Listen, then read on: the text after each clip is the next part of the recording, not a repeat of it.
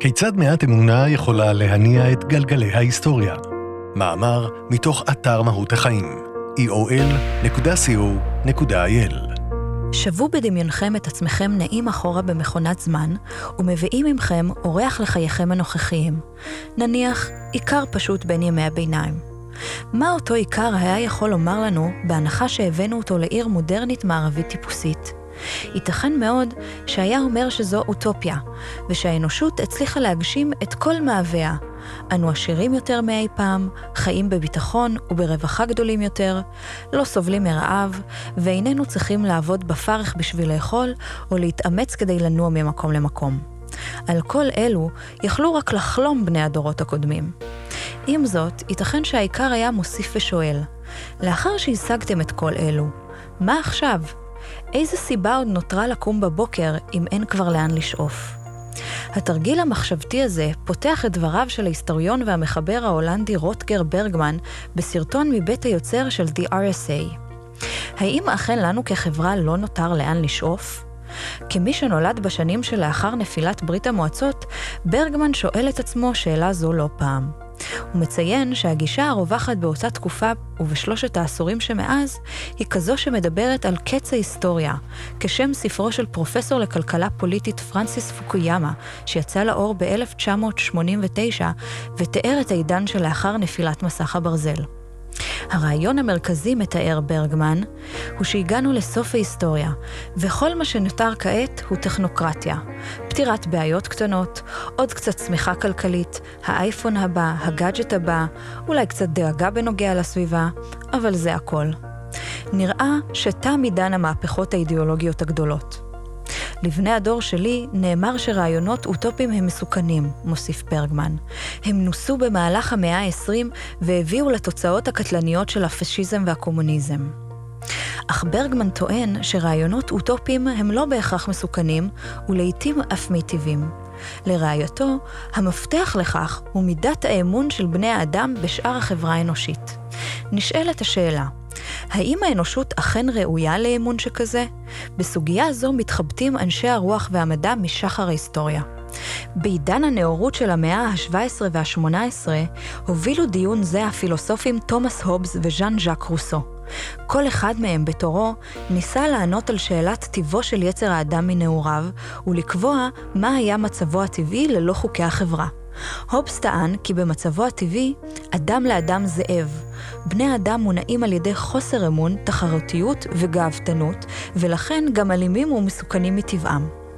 מנגד, רוסו ביקר אותו בחריפות וטען שההפך הוא הנכון.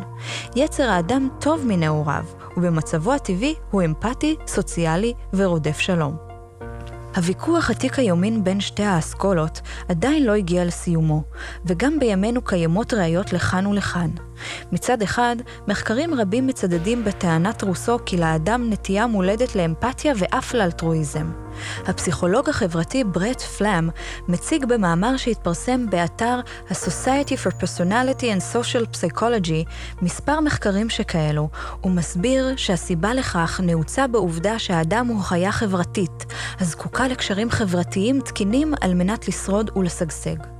על כן, האבולוציה ציידה אותו במגוון מנגנונים טבעיים המסייעים לו ליצור ולטפח קשרים אלו.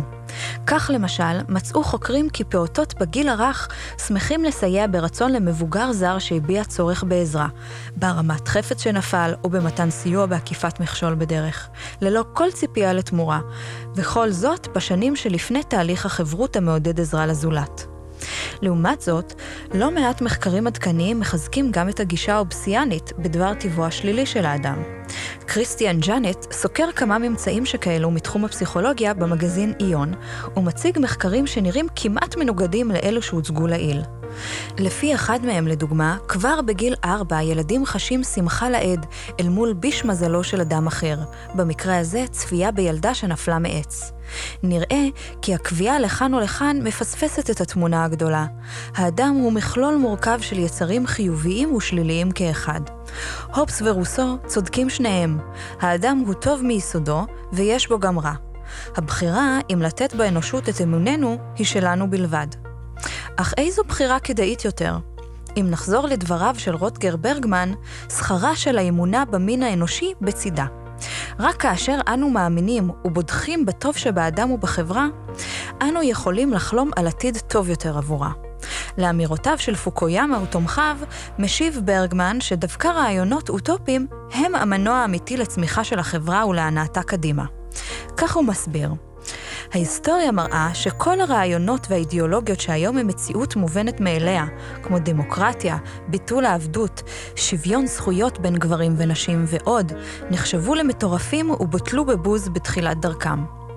רעיונות יכולים לשנות ומשנים את העולם, אומר ברגמן.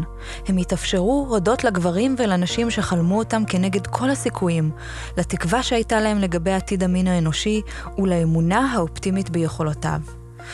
אז מדוע בכל זאת נראה שאנו עומדים בפלטו, ושאין יותר לחברה לאן להתקדם? מה שמעכב אותנו, לדברי ברגמן, היא התפיסה השלילית שיש לנו כלפי האנושות. התקשורת והחברה מציפים אותנו לרוב בחדשות רעות ובסיפורים על דברים שמשתבשים ואנשים הסוטים מדרך הישר, כך שנוצרת בנו תחושה של מציאות עגומה וחוסר אמון באחר. מה שנדרש על מנת להניע את גלגלי הקדמה והשינוי, הוא שינוי התפיסה שלנו לגבי טבע האדם והגברת האמון בו. ואולם, לאור כל מה שידוע לנו על טבע האדם השנוי במחלוקת, הגברת האמון בו אינה עניין של מה בכך. נדרשת עבודה ומודעות, אך נראה שהדבר אפשרי. הפסיכולוגית ג'יל סוטי מציעה ב-Greater Good Magazine מספר דרכים פרקטיות כדי לסייע בהגברת האמון במין האנושי. היו צרכנים פרואקטיביים של תקשורת מסוגים שונים. המדיה נוטה לפרסם ולקדם את הסיפורים הסנסציוניים ביותר, לכן יש לברור אותה באופן פעיל ולחפש גם את הסיפורים העוסקים בטוב שבאדם. לדוגמה, כאלו העוסקים באנשים שהתגברו על אתגרים, או באנשים העוסקים בפעילות מוסרית או חברתית, ארגוני צדקה, צוותי רפואה, מורים וכיוצא באלו. חשיפה לסיפורי השראה שכאלו מסייעת להגברת תחושת החיבור לאחר. אם אינכם יודעים היכן למצוא סיפורים כאלו, דוגמה למקור מומלץ לחדשות טובות הוא אתר גודנט. שקלו בכובד ראש את הפרסומים שלכם ברשתות החברתיות. נסו שלא להיגרר לוויכוחים ברשת. בפעם הבאה כאשר אתם רואים פרסום שאתם לא מסכימים איתו, נסו שלא להגיב בתוקפנות, מה שברוב הסיכויים בכל מקרה לא יביא לשינוי בדעת האחר, ובמקום זאת פשוט לשתף סיפור אנושי מעורר השראה המחזק את עמדתכם. רוב האנשים יתחברו יותר לסיפורים כאלה, ויש יותר סיכוי לשינוי עמדתם בדרך זו. בנוסף, עצם שיתוף הסיפור יחזק את תחושת הסולידריות החברתית שלכם. קחו חלק בפעילות התנדבותית או בתנועה חברתית. הימצאות בסביבת אנשים בעלי מחשבה דומה לזו שלנו, שחוברים יחד למען מטרה שחשובה להם, מרוממת מאוד את הרוח. היא מועצמת אף יותר מההשתייכות לתנועה וקבוצה בעלת רעיון אידיאולוגי, שתורמת לתחושה שאנו שייכים למשהו גדול יותר מאיתנו. אם נוסיף לכך את העובדה שהתנדבות, עזרה לזולת או מתן צדקה מעוררים אצלנו רגשות חיוביים, נקבל חוויה מקרבת, מספקת ובעלת משמעות עמוקה. הפכו זאת לשגרה. כל התנסות שנתרגל באופן קבוע בהתמדה, תהפוך לבסוף לטבע שני שלנו. באותו אופן, אם נקפיד להכניס לשגרה היומיומית שלנו חוויות והתנסויות מרוממות רוח, ערכיות ומעוררות השראה מהסוגים שצוינו מעלה, הלך הרוח הזה יהפוך עד מהרה ל mindset הטבעי שלנו. תוספת קבועה כזו לחיינו יכולה לסייע למצוא תקווה ברגעי ייאוש מהאנושות ולהחזיר לנו את האמון בה. עם מעט מאמץ מודע, נוכל גם אנחנו להגביר את תחושת האופטימיות שלנו לגבי המין האנושי. אלטרואיזם הוא מדבק, מציינת סוטי. אם נקפיד לא רק לשלב חוויות כאלה בחיינו, אלא גם נשתף אותם עם אחרים, ישנם סיכויים גבוהים שנצליח לעורר גם בהם תחושות דומות. וכשמגמה כזו תופסת תאוצה, היא יכולה להוות כר פורה לרעיונות חדשים ומיטיבים עבור האנושות כולה. אולי דווקא תקופה קשה זו, שבה כנגד כל המגבלות והאילוצים, אנו עדיין מצליחים למצוא את הדרך להתחבר, לשתף, לעזור, להתאחד ולעורר השראה האחד בשני, תהיה הטריגר לשינוי התפיסה שלנו את עצמנו, ותסלול את הדרך לדבר הטוב הבא.